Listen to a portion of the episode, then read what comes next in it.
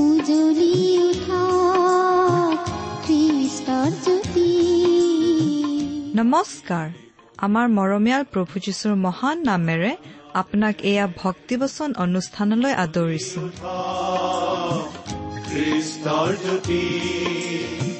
আকাশ কৰি গাঁও সবে মিলি প্ৰশংসা গীতি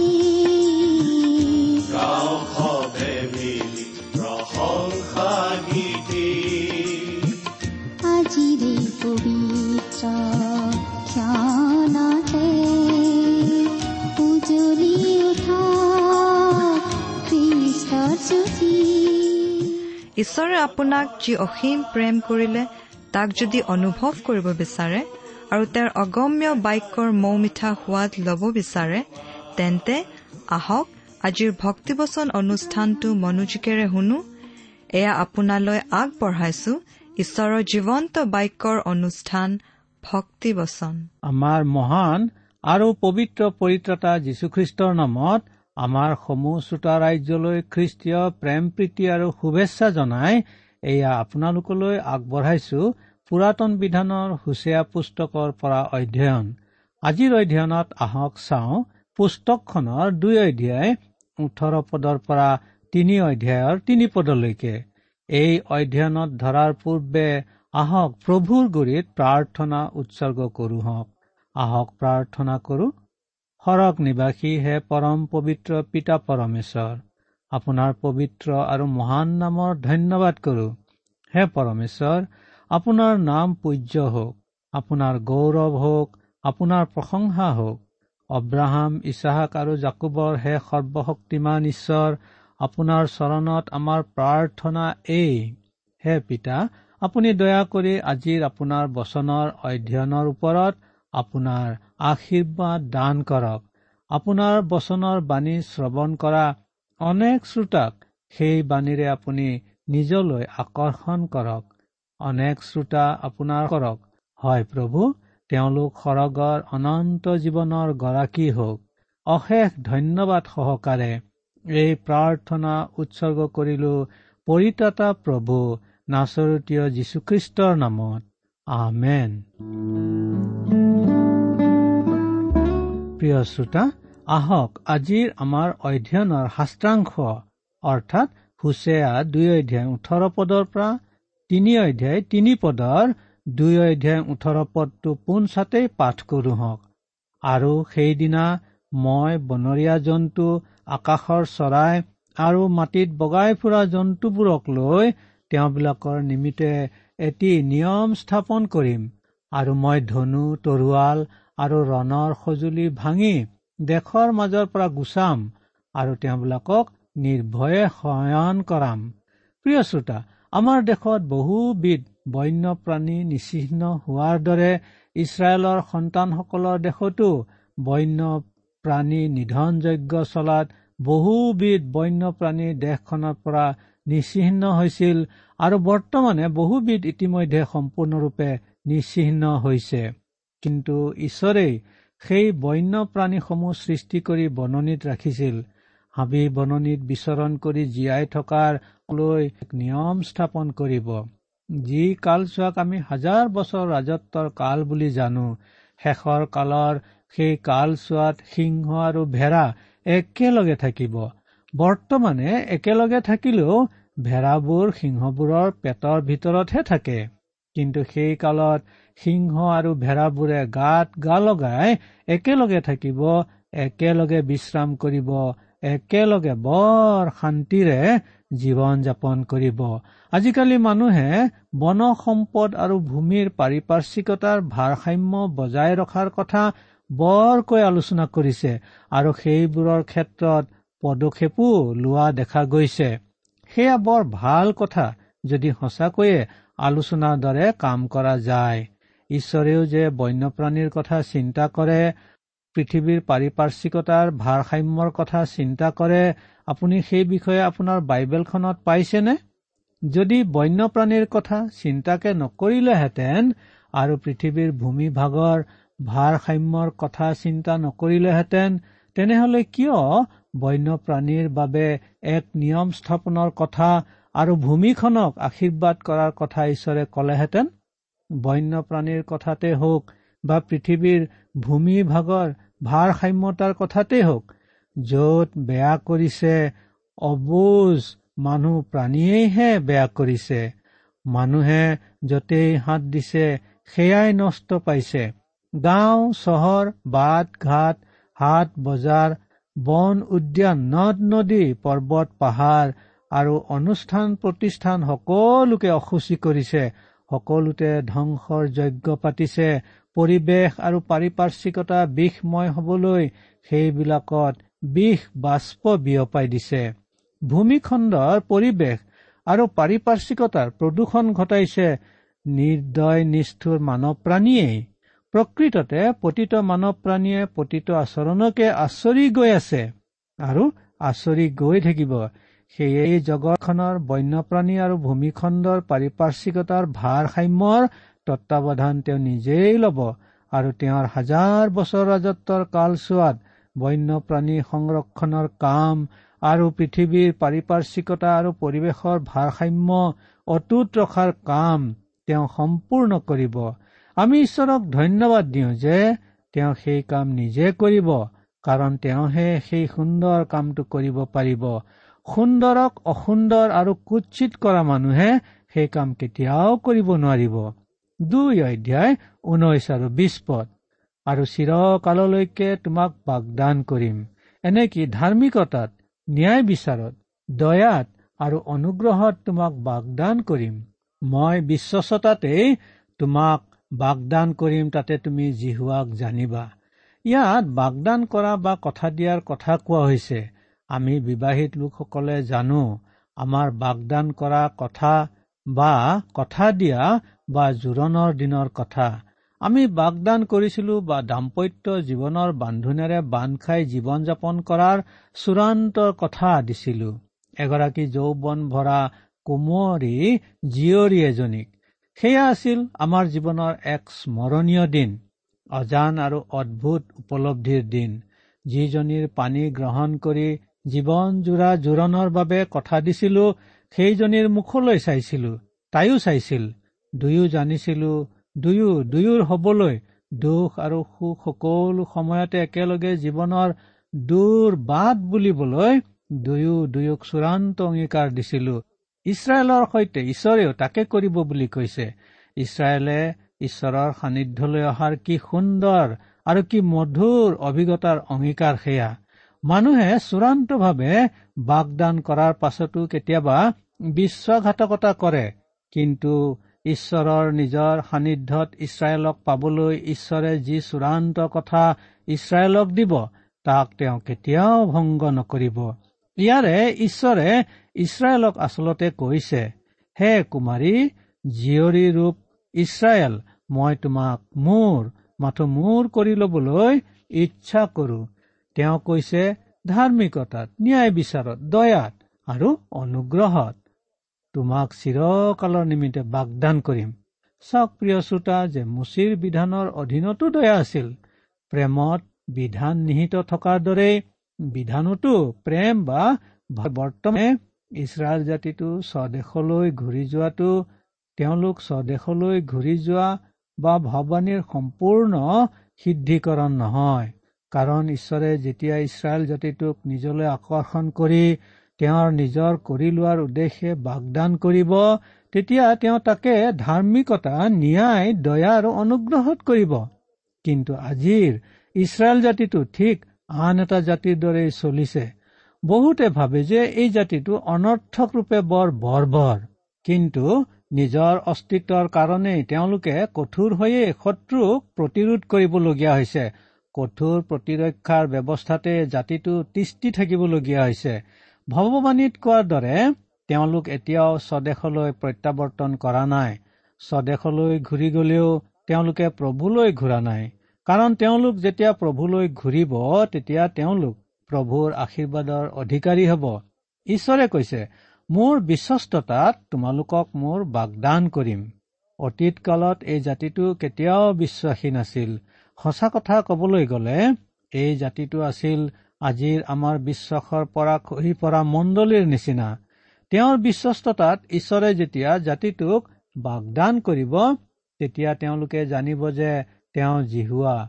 তেওঁলোকে প্ৰভু যীশুখ্ৰীষ্টক কিন্তু আজিও জনা নাই যে তেওঁই জিহুৱা। নাই প্ৰিয় শ্ৰোতা তেওঁলোকে সেই আটাইতকৈ প্ৰয়োজনীয় সত্যতাটো আজিও জনা নাই।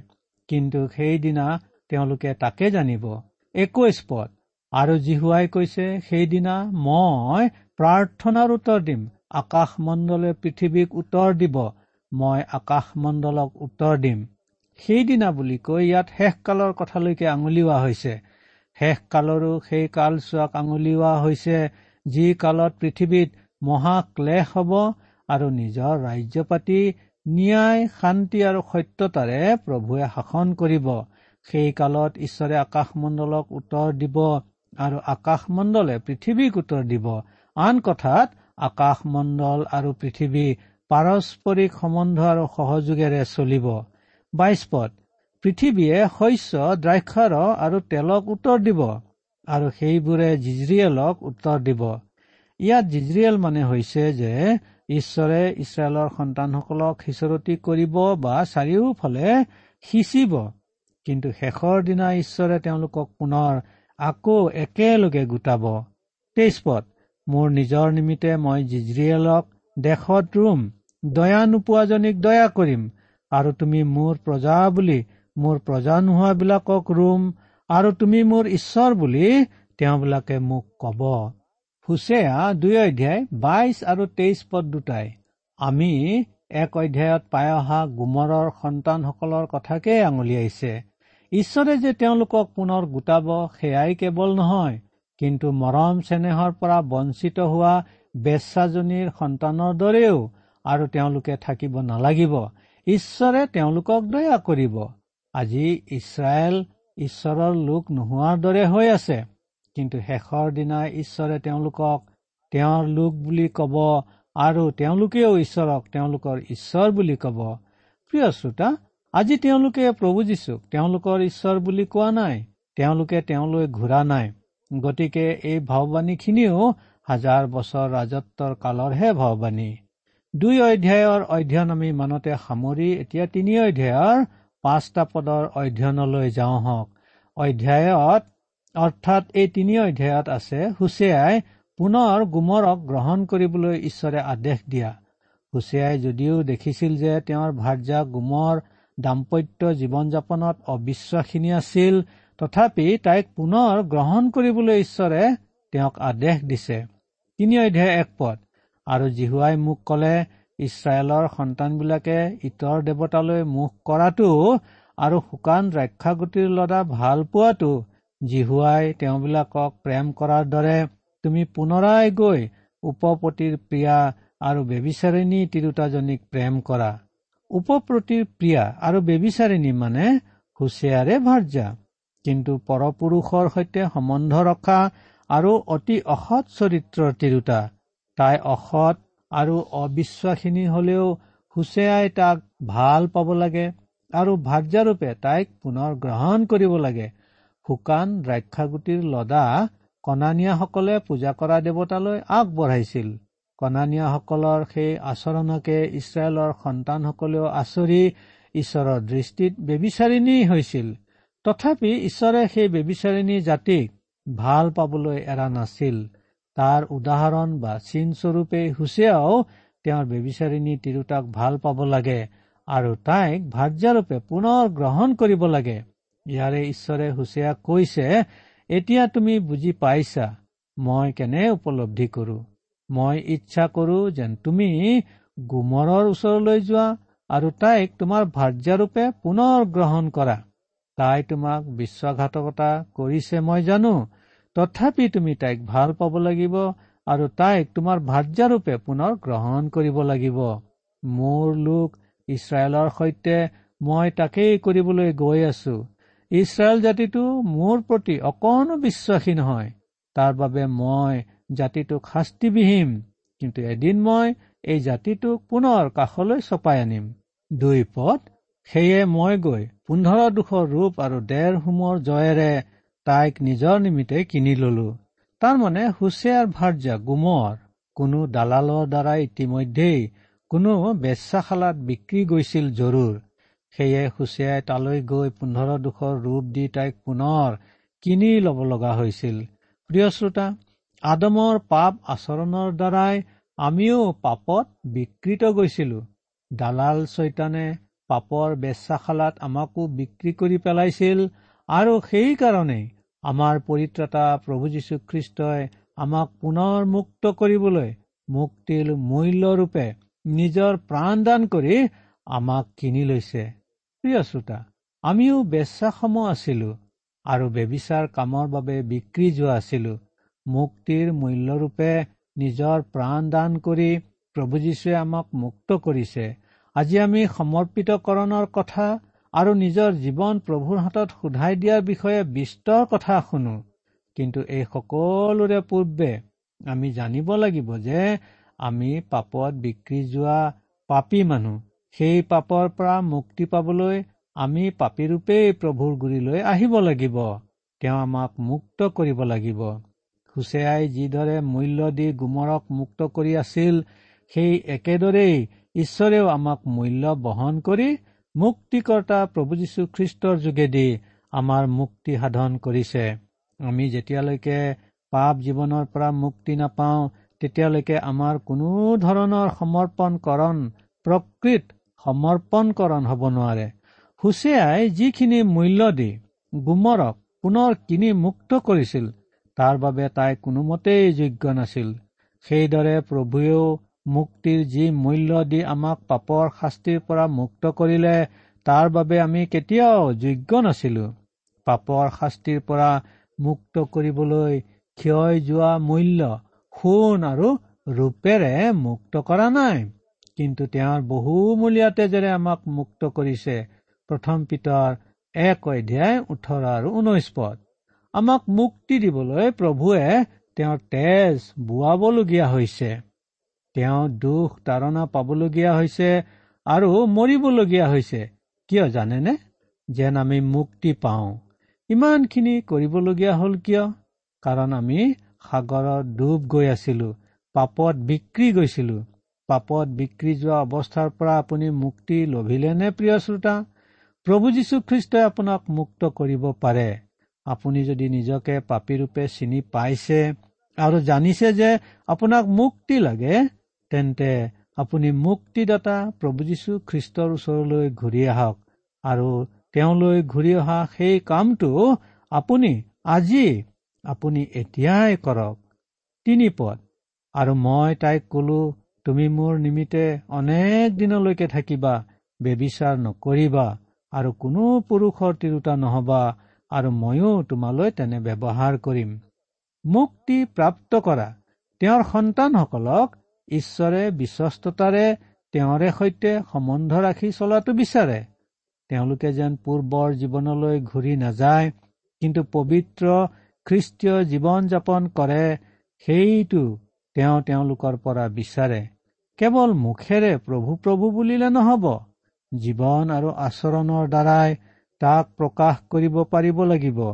প্ৰিয় শ্ৰোতা এনে যদি কোনো তথাকথিত মণ্ডলী আছে য'ত ঈশ্বৰৰ বচন অস্বীকাৰ কৰা হয় খ্ৰীষ্টৰ ঈশ্বৰত্ব মানি চলা নহয় আৰু বিশ্বাস কৰা নহয় তেওঁ যে পাপীৰ কাৰণে মৃত্যু বৰণ কৰিলে তাক স্বীকাৰ কৰিব নোৱাৰে তেন্তে সেয়া মণ্ডলী নহয় হ'ব আধ্যাত্মিক বেচাশালা এয়া আমাৰ মানুহৰ গৰিহণা নহয় এয়া ঈশ্বৰৰ বচনৰ গৰিহণা। হুচেয়াৰ যোগেদি এয়া ঈশ্বৰৰ কঠোৰ ভাষা। ঈশ্বৰৰ এই কঠোৰ বাণী হুচেয়াই শুনোৱাৰ ফলত তেওঁ বৰ্ষটোৰ শ্ৰেষ্ঠ ব্যক্তিৰূপে নিৰ্বাচিত হোৱা নাছিল। কাৰণ তেওঁৰ সময়ৰ ইছৰাইলৰ সন্তানসকলৰ কোনেও এই বাণী ভাল পোৱা নাছিল। আজিৰ যুগতো সেইটোৱেই হৈছে। যিসকলে ঈশ্বৰৰ এনে কঠোৰ বচন প্ৰচাৰ কৰে। যিসকলে তেওঁৰ কথাৰ ভাওবাণী প্ৰচাৰ কৰে তেওঁসকল আজি মানুহৰ মাজত প্ৰিয় লোক নহয়। তেওঁলোকক মানুহে ভাল চকুৰে নাচায়। তেওঁলোকৰ প্ৰতি মানুহৰ কোনো ভাল ভাৱ নাথাকে।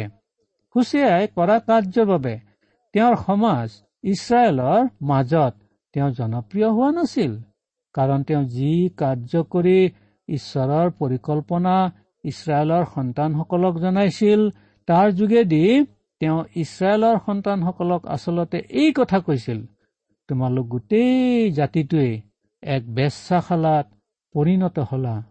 তোমালোক প্ৰতিমা পূজাত নিমজ্জিত হৈ জীৱন্ত আৰু সত্য ঈশ্বৰৰ পৰা আঁতৰি গলা।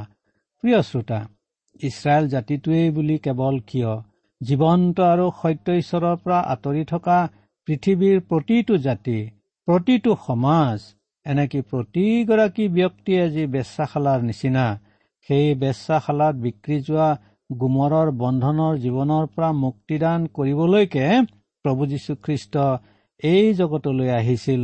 আজিৰ পৰা দুই হাজাৰ বছৰৰ পূৰ্বে।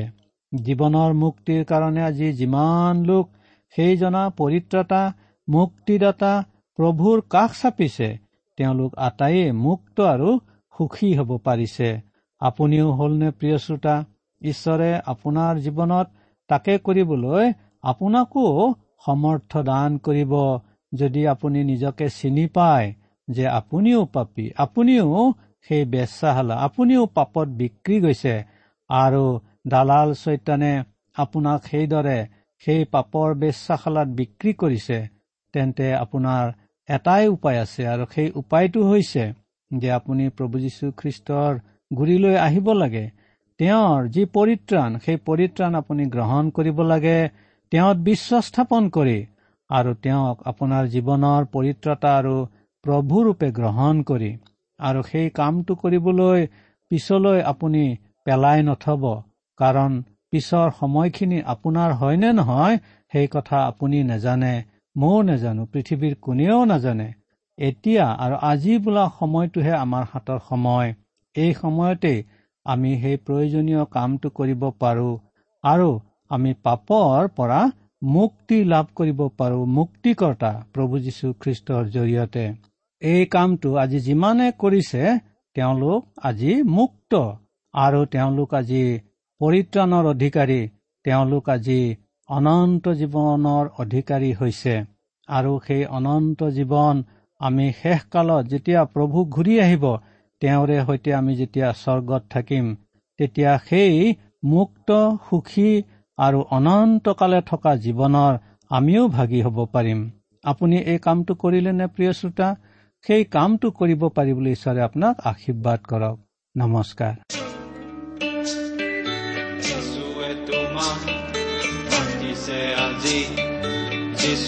তোমাক মাতিছে আজি। যিশুৱে তোমাক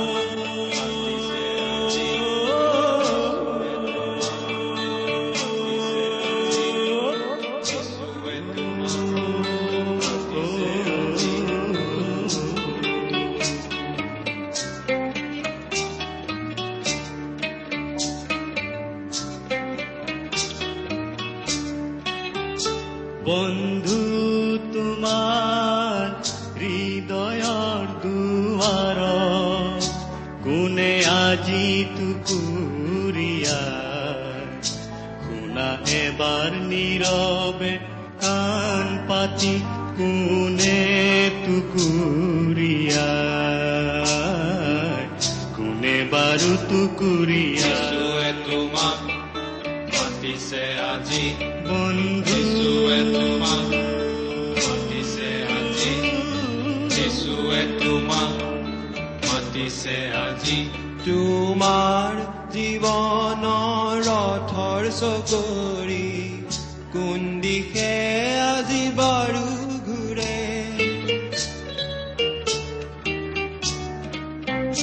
তোমাৰ জীৱনৰ ৰথৰ চকৰি কোন দিশে আজি বাৰু ঘূৰে কিহৰ আশাত আৰু কিহৰ মায়া? হৃদয়ে হাহাকার করে। কি হর? আপাত কি হর মায়া? হৃদয়ে হাহাকার করে। বন্ধু তোমার হৃদয় দুয়ার কোনে আজি তুকুরিয়া শুনা এবার নীরবে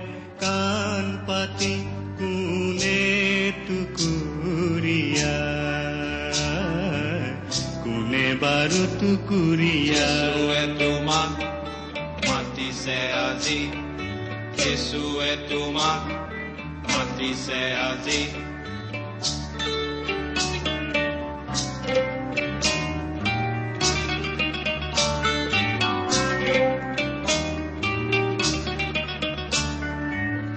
লাখ বিলাস আৰু ভোগ বিলাসত যদিহে বন্ধু আছা মজি লাহ বিলাস আৰু ভূবিলাসত যদিহে বন্ধু ইমান পৰে আপুনি ভক্তিবচন অনুষ্ঠানটি শুনিলে। অনুষ্ঠানটি শুনি কেনে পালে আমালৈ চিঠি লিখি জনাবচোন? অনুষ্ঠানত প্ৰচাৰ কৰা কোনো কথা বুজিব লগা থাকিলেও আমালৈ লিখক। আমাৰ ঠিকনা ভক্তিবচন টি ডাব্লিউ আৰ ইণ্ডিয়া ডাক পাকচ নম্বৰ সাত শূন্য গুৱাহাটী সাত আঠ এক শূন্য শূন্য এক ঠিকনাটো আৰু এবাৰ কৈছো ভক্তিবচন টি ডাব্লিউ আৰ ইণ্ডিয়া ডাক পাকচ নম্বৰ সাত শূন্য গুৱাহাটী সাত আঠ এক শূন্য শূন্য এক আপুনি ইমেইল যোগেৰেও আমাৰ সৈতে যোগাযোগ কৰিব পাৰে। আমাৰ ইমেইল আইডিটো হৈছে Assamese T TV at radio' eight eight two dot com আইডিটো আকৌ এবাৰ কৈছো। Assamese T TV at radio' eight eight two dot com আপুনি টেলিফোনৰ মাধ্যমেৰেও আমাক যোগাযোগ কৰিব পাৰে। আমাৰ টেলিফোন নম্বৰটো হৈছে শূন্য তিনি ছয় এক দুই ছয় শূন্য চাৰি ছয় সাত এক। ফোন নম্বৰটো আকৌ এবাৰ কৈছো zero' three six one two six zero' four six seven one আজিৰ অনুষ্ঠানটি ইমানতে সামৰিছো। ঈশ্বৰৰ শান্তি আৰু অনুগ্ৰহ আপোনাৰ লগত থাকক। ধন্যবাদ।